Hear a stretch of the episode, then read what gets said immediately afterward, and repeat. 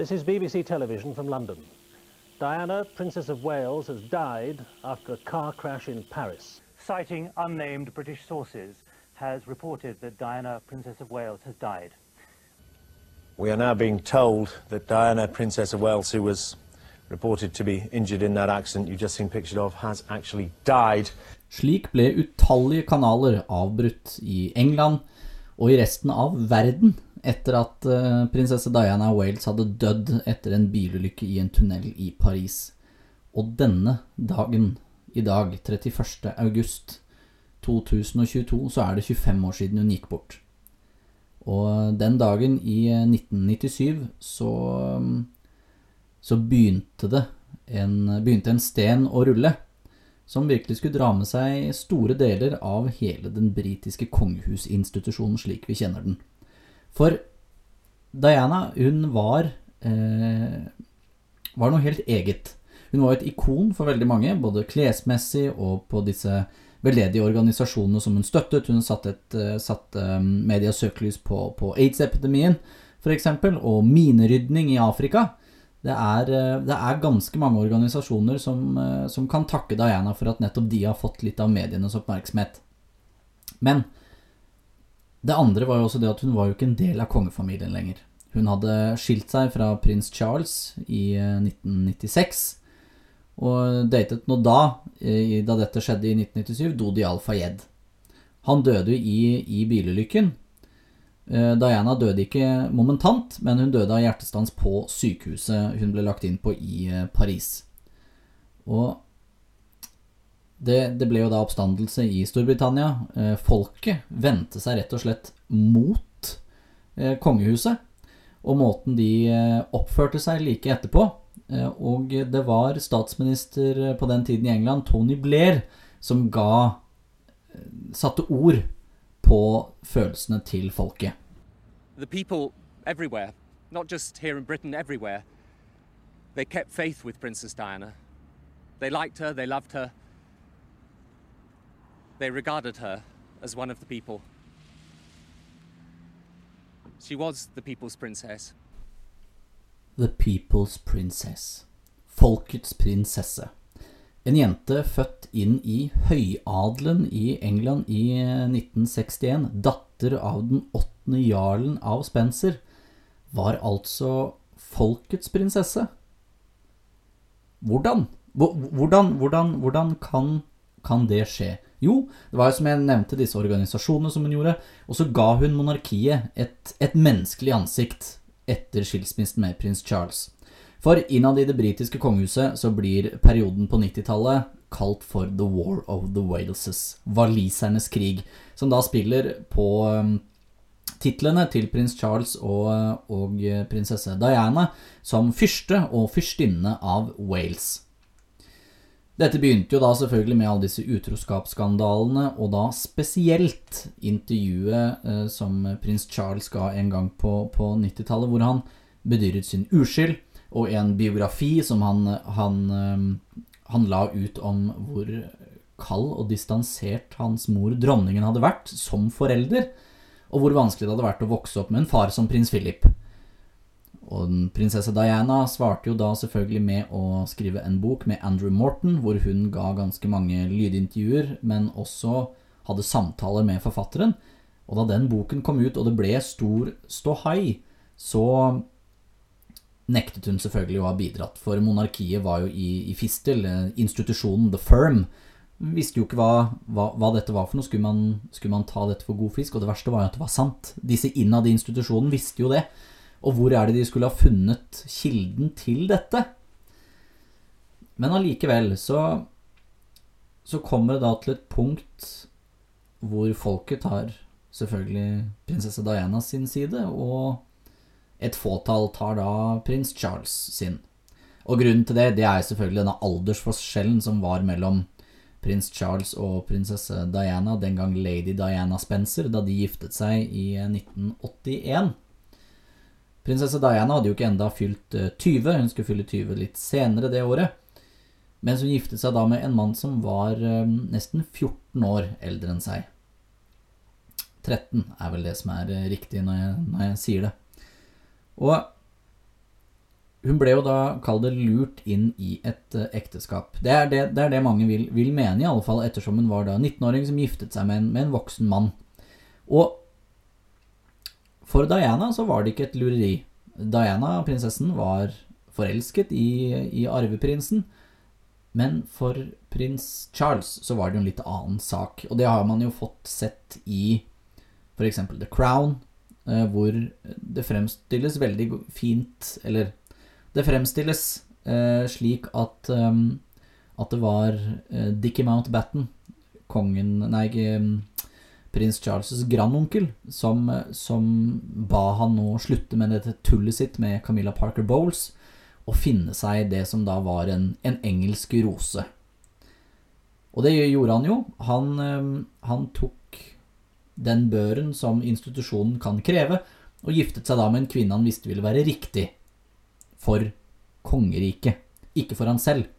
Og det er det som er den, er den store tragedien i hele det ekteskapet. For i starten så var det ganske fint, men etter hvert så faller jo da prins Charles tilbake igjen til litt eh, gamle jaktmarker, da, for å si det sånn, og finner da trøst i Camilla Parker Bowles når eh, prinsesse Diana blir den mest populære av dem to. Og slik det ekteskapet endte opp, eh, det var jo det som gjorde eh, Dianas panoramaintervju så veldig kjent. Do you think Mrs. Parker Bowles was a factor in the breakdown of your marriage? Well, there were three of us in this marriage, so it was a bit crowded. med svart øyensminke for da å få frem hvor eh, såret eh, hun var, og hvor, eh, hvor sårbar hun var, så la hun da frem om at prins Charles hadde vært notorisk utro gjennom ekteskapet. Og det da hadde vært tre stykker der. Og dette var jo Dette var som å, å skyte det kongeskipet HMS Windsor rett i motoranlegget. For er det én ting man ikke skal gjøre når man er en del av det britiske monarkiet, så er det å forklare eller syte. De har en uskrevet regel som heter 'never complain, never explain'. Og nettopp den regelen skal vi komme tilbake igjen til litt senere når vi skal prate om arven til Diana. Men det som eh, skjedde i etterdønningene etter hennes død, var jo det som virkelig gjorde henne til denne stjernen på himmelen. For eh, mediene hadde jo da hundset henne i mange år, både på godt og vondt, og hun òg visste selvfølgelig godt å spille på, eh, på det at hun hadde media i sin hulehånd. Noen ganger når hun var steder, så skjønte folk rundt henne ikke hvorfor og hvordan mediene hadde funnet ut at hun var der, men da hadde hun jo tipset dem selv.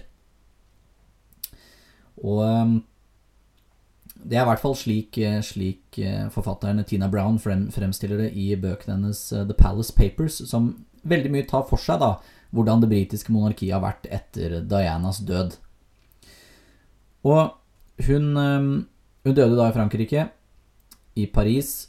Prins Charles drar da dit med et av kongefamiliens privatfly, får prinsessen tilbake igjen til Storbritannia, og legger da det britiske kongehusets ehm, flagg over kisten idet den blir båret ut av flyet. Som eh, på en måte viser at hun fortsatt var en del av monarkiet. For prinsesse Diana ikke kunne aldri bli utenfor monarkiet, ettersom hennes sønn, prins William, den eldste iallfall, eh, skal bli konge av Storbritannia en gang i fremtiden. Du kom ikke unna prinsesse Diana. Dronningen og eh, prins Philip sammen med deres barnebarn er da på Balmoral og blir der. De drar ikke tilbake igjen, for dronningen hun står på sitt med at Diana var tross alt ikke en del av kongehuset lenger. Dette er jo veldig fint fremstilt i filmen The Queen, der hvor Helen Mirren spiller eh, dronning Elisabeth, og viser jo da at det var nokså harde skyts mellom statsministerens kontor i, Downton, nei, i Number 10 Downing Street og da Balmoral Castle. Men når du er dronning, og dette var da en tid hvor dronning Elisabeth hadde regjert i 45 år Hun hadde da sittet på tronen ganske lenge allerede da. I år så er det jo 70 år siden hun ble dronning, men eh, da var det bare 45. Og hun måtte da endre seg litt i tråd med tiden. Og det var da prinsesse Diana som lagde nesten mer bråk som avdød enn det hun hadde gjort som levende. I hvert fall slik monarkiet kan ha forstått det. For dronningen hun måtte kaste inn det kongelige håndkleet og dra tilbake igjen til Buckingham Palace og fire da flagget på Buckingham Palace på halv stang. Det hadde aldri i britisk historie blitt gjort før, og den dagen dronningen selv går bort, så kommer intet flagg til å vaie på halv stang for henne. For dronningens flagg som vaier på Buckingham Palace eller andre bygninger i England, viser da hvor monarken er. Så hvis dronning Elisabeth dør i én bygning, og prins Charles da er i en annen, så kommer flagget til å tas ned av Buckingham Palace og heises hvor enn prins Charles er. Og de kjører jo da, etter å ha kommet fra Balmoral med fly, så kjører de inn til Buckingham Palace, da dronningen og prins Philip, og eh, gjør da noe som er helt uten presedens, og det er å gå ut av bilen foran portene til Buckingham Palace. Det var da et blomsterhav uten like som eh, møtte dem, som i og for seg må ha vært et slag i ansiktet for, eh, for dronningen å se hvor elsket prinsesse Diana var, med tanke på hvor mye bråk hun hadde stelt i stand for institusjonen dronningen leder, men også for hennes eldste sønn, den neste tronarvingen, som etter Dianas død var på sitt laveste rent oppslutningsmessig blant det britiske folk. Og i dette blomsterhavet så går jo da dronningen og ser. Hun går bort til noen av de fremmøtte, og så spør hun da en liten jente, og dette er også veldig fint eh, fremstilt i The Queen, spør hun en liten jente om hun skal legge blomstene på plass for henne. Og da sier denne lille jenta nei. Disse blomstene er til deg. Og det viser jo da at noen, i hvert fall denne lille jenta, også anså prinsesse Diana som en del av monarkiet, selv om hun da rent teknisk ikke var det. Så er det da selvfølgelig mange andre som ikke var like positive til at dronningen kom tilbake, eller like positive til kongefamilien generelt. Hvor de i en video som er tatt fra den dagen, eh, som ble vist i en av disse Diana-dokumentarene som kom som fem, for fem år siden, da det var 20 år siden hun gikk bort, hvor det da er en dame som roper 'Please take care of the children' idet dronning Elisabeth og prins Philip skal gå vekk. Og da snur prins Philip seg med det som fremstår som et litt mørkt blikk, og sier 'That's exactly what we've been doing'. Og det er en del som i hvert fall jeg vil, vil anse som et aspekt som det britiske folk ikke tenkte over da de ba kongefamilien komme tilbake igjen. For det var jo da to sønner i dette bildet som eh, da var henholdsvis Nå må jeg tenke meg om. De var da 12 og 15 år, hvis jeg husker, eh, husker riktig og de to hadde mistet moren sin. De hadde ikke mistet eh, medias eh, favorittprinsesse. De hadde mistet sin mamma. Og det å dra de vekk fra Balmoral, den eneste trygge plassen som det britiske kongehuset egentlig har, sånn at de kan faktisk gå ute uten å bli stoppet så veldig mye av, av folk, eller være i fare for den saks skyld, så drar da det britiske folk disse barna ut av tryggheten og ned til hjertet av England og hjertet av sorgen rundt moren. Og begge prinsene har jo ut, uttalt senere at de, de skjønte det ikke. Dette, dette, er folk som aldri har kjent moren deres, som står og strigråter. De, det er briter som viser følelser av alle ting. Og dette forvirret ikke bare sønnene til prinsesse Diana, men også dronningen. Dronning Elisabeth hadde jo da, som jeg sa tidligere, regjert i 45 år over et av de mest kalde avbalanserte folkene som finnes her i Europa. Og plutselig så sitter de på gaten og gråter og hulker og bærer seg rett og slett over da at prinsesse Diana er borte. En dame de ikke hadde kjent, men da følte at de kjente via mediene. Så det, dette var uten presedens både for monarkiet, men også for disse to guttene. Og når de da har kommet til England, eller til, eh, ja, til England og for den saks skyld, og til London, så begynner jo planlegging rundt begravelsen. For det blir da bestemt etter hvert at dette skal være en statsbegravelse. Det går ikke an å gå utenom det, og det skal være en kongelig begravelse. Ikke en eh, på linje med begravelsen til kong George 6., f.eks., men de må da ta utgangspunkt i en eh, begravelsesplan som har vært øvd på i over 20 år, og det er Operasjon Tay Bridge, som da var kallenavnet for begravelsen til dronningmoren. Hun var på dette tidspunktet 96 år gammel, og da i, siden hun var i 70-årene, så hadde hæren og disse forskjellige avdelingene som skulle delta i hennes begravelse, øvd på dette. Og det var eneste løsningen de hadde. Men de måtte jo da endre litt på det, for dette var ingen eh, ren statsbegravelse, sånn sett med da kongelige f.eks. til stede. Det var, var, noen, var et fåtall kongelige som vi kommer tilbake til, som var i begravelsen, men eh, det ble jo da masse kjendiser som Elton John, Pavarotti og lignende som, som kom i begravelsen. Og så ble det da veldig mange organisasjoner, som da disse veldedige organisasjonene som prinsesse Diana hadde vært beskytter for i hennes så altfor korte liv.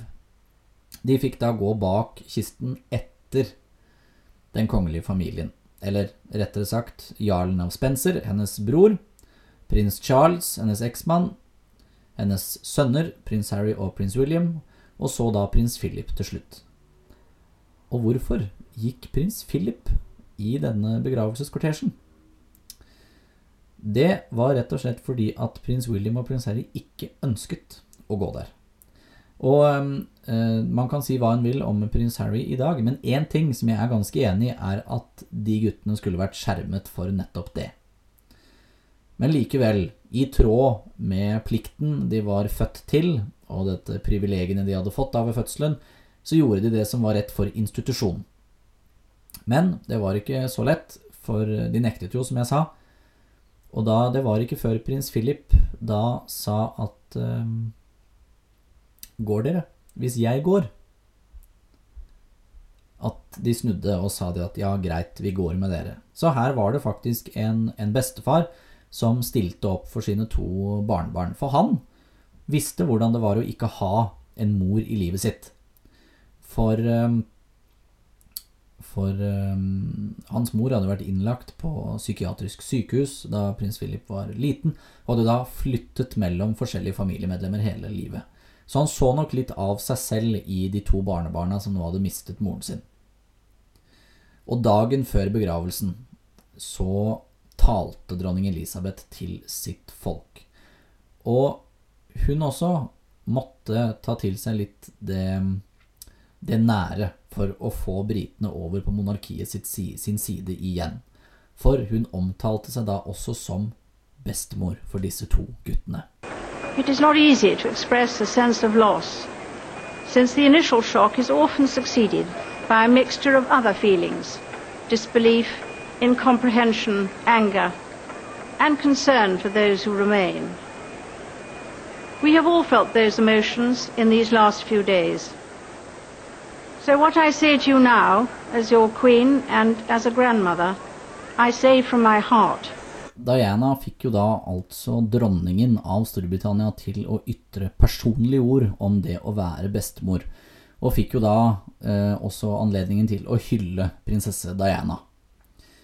Det viser så absolutt hvilken makt prinsesse Diana hadde over det britiske folk, og hvilke lengder dronning Elisabeth var villig til å gå for å redde det britiske monarkiet fra det som rett og slett kunne ha vært slutten på det britiske monarkiet, hadde de ikke håndtert det riktig.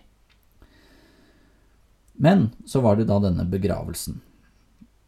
Der så ble kongefamilien rett og slett angrepet på Eller fra talerstolen og prekestolen i, i kirken. For den som skulle holde minnetalen over prinsesse Diana, det var hennes bror jarlen av Spencer. Og han var ikke nådig i verken sin beskrivelse av den britiske kongefamilien eller hva han anså som prins William og prins Harrys ekte familie.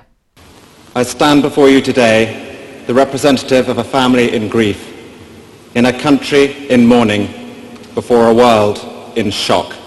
De engelske mediene derimot falt ikke innenfor noen av disse kategoriene.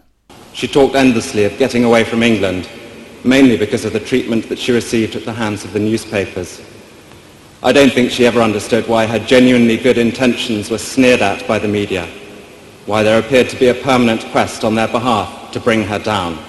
Deretter lovet jarlen av Spencer at han skulle beskytte hennes to sønner, og sørge for at de ikke ble så veldig opptatt av eh, tradisjon og plikt. Altså et direkte angrep på den britiske kongefamilien. And beyond that, on behalf of your mother and sisters, I pledge that we, your blood family, will do all we can to continue the imaginative and loving way in which you are steering these two exceptional young men, so that their souls are not simply immersed by duty and tradition, but can sing openly as you planned. Etter enhver bombe så kommer det sjokkbølger, og denne talen var intet unntak. For så fort jarlen av Spencer var ferdig, så hørtes det ut som torden utenfor Westminster Abbey hvor begravelsen ble gjennomført. Men det var applaus. Det var applaus fra alle de fremmøtte menneskene som hadde stilt opp foran disse to TV-skjermene som var satt opp så alle skulle kunne få med seg talen. Dronningen og prins Philip satt som steinstatuer, og ansiktene deres viste ingen følelser i det hele tatt, og applaus ga de heller ikke fra seg.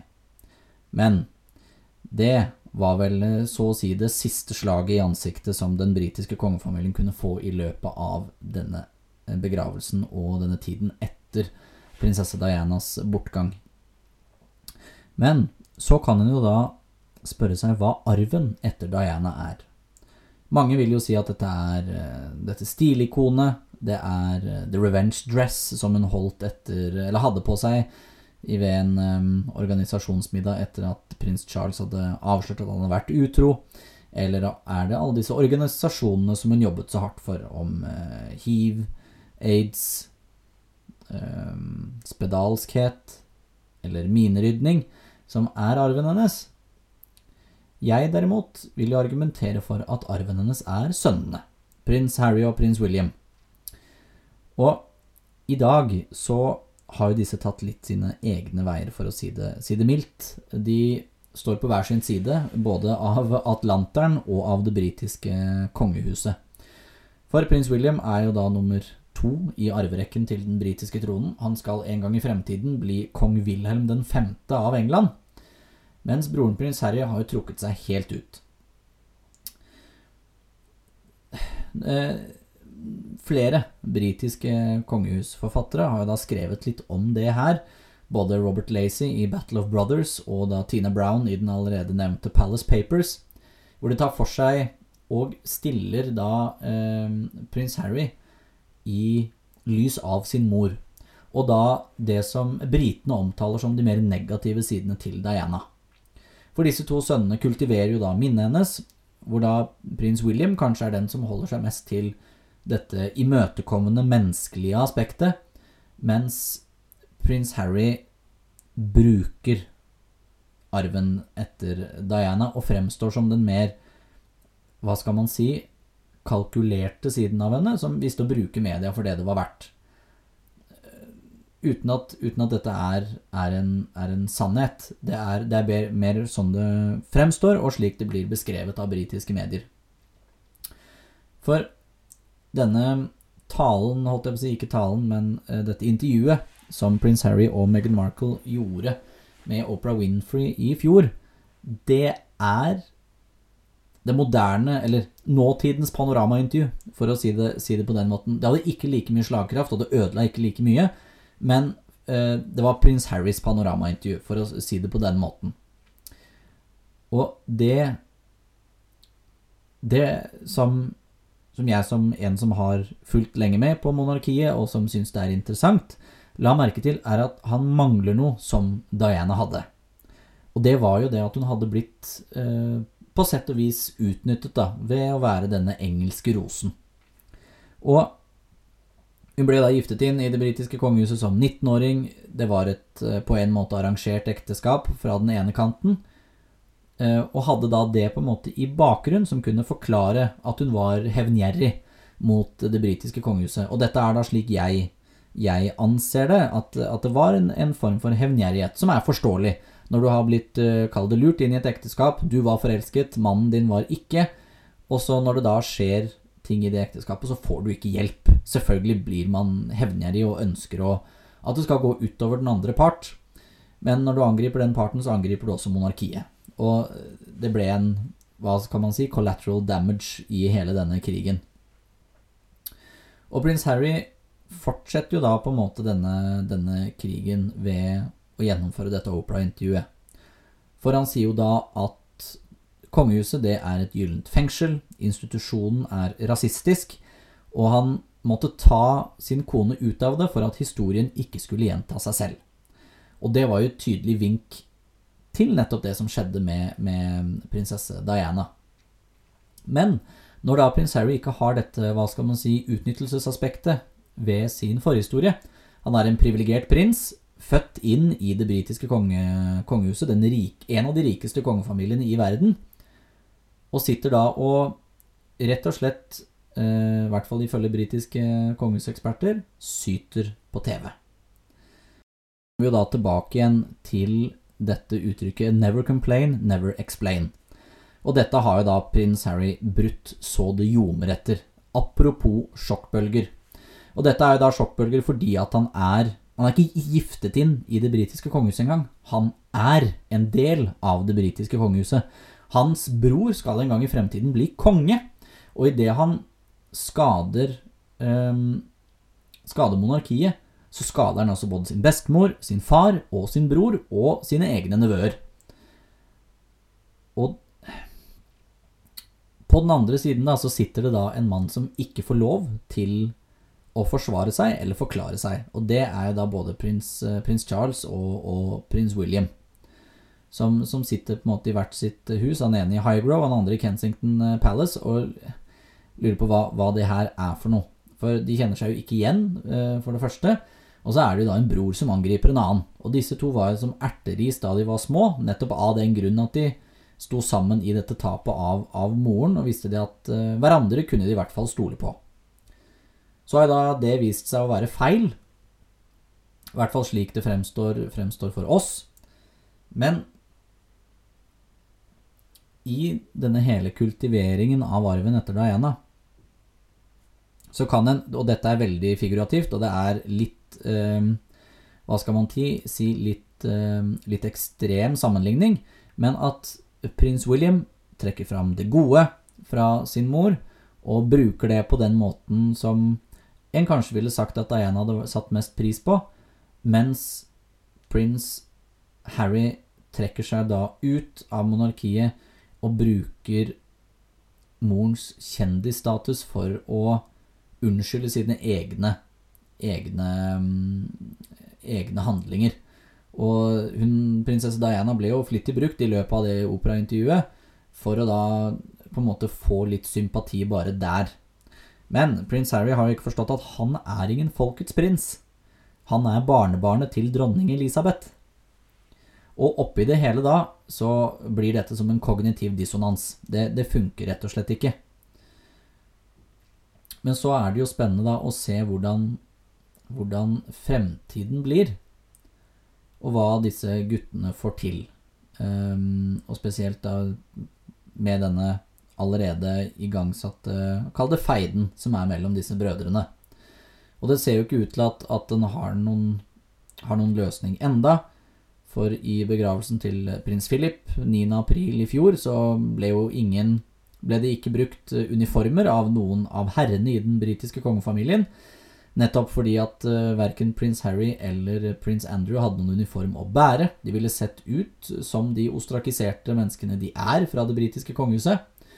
Og under denne 70-årsjubileumsfeiringen til dronning Elisabeth så fikk ikke prins Harry og hertuginne Meghan lov til å gå ut på balkongen under denne feiringen. Og det, det var nok et slag i ansiktet for, for prins Harry, og viser da hvor, um, hvor utsatt de er i, i, denne, denne, i denne feiden.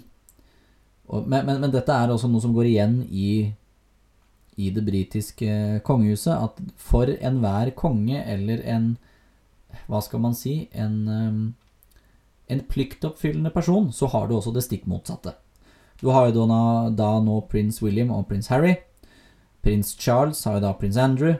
Dronning Elisabeth hadde prinsesse Margaret. Kong George 6. hadde hertugen av Windsor, han som abdiserte. Kong George 5. hadde Albert Victor. Og kong Edvard 7. han var rett og slett både den pliktoppfyllende og det stikk motsatte. Så dette er noe som går igjen i, i det britiske kongehuset. Men jeg håper jo at at, um, at minnene til Diana om de positive sidene blir, blir uh, opprettholdt, og at ikke handlingene til, til um, prins Harry sørger for at de britiske mediene får øynene mer opp for uh, de andre sidene av Diana, da, som, som, som, som, kanskje også bør diskuteres. Det er ikke det. Det er i det ekteskapet mellom prins Charles og prinsesse Diana, så det var to stykker. Om den ene begynte eller ikke, så, så, har egentlig ikke det noe å si, for det, det skal to til for å danse tango. Men det er for ille om hennes sønns handlinger skal ødelegge det minnet som er igjen av Diana, og det som, det som er. For det er ganske utenfor proporsjoner at man 25 år etter at en prinsesse har gått bort, fortsatt prater så mye om henne som, som hun gjør da med at jeg lager en over halvtimes lang episode om henne. Men det er sånn det er. Diana har Diana la igjen sitt merke på jorden bare i løpet av 36 år, og er kanskje fortsatt et av verdens mest eh, kjente mennesker. Jeg tror på den eh, høyden der så avslutter vi denne spesialepisoden av Undersåttene. Jeg vil takke dere så mye for følget. Jeg håper at dere har likt denne episoden selv om det bare var mitt eget eh, pjatter og at dere nå har lært litt om Diana og kan sette litt ekstra pris på henne i dag, som det er 25 år siden hun gikk bort. Vi lyttes.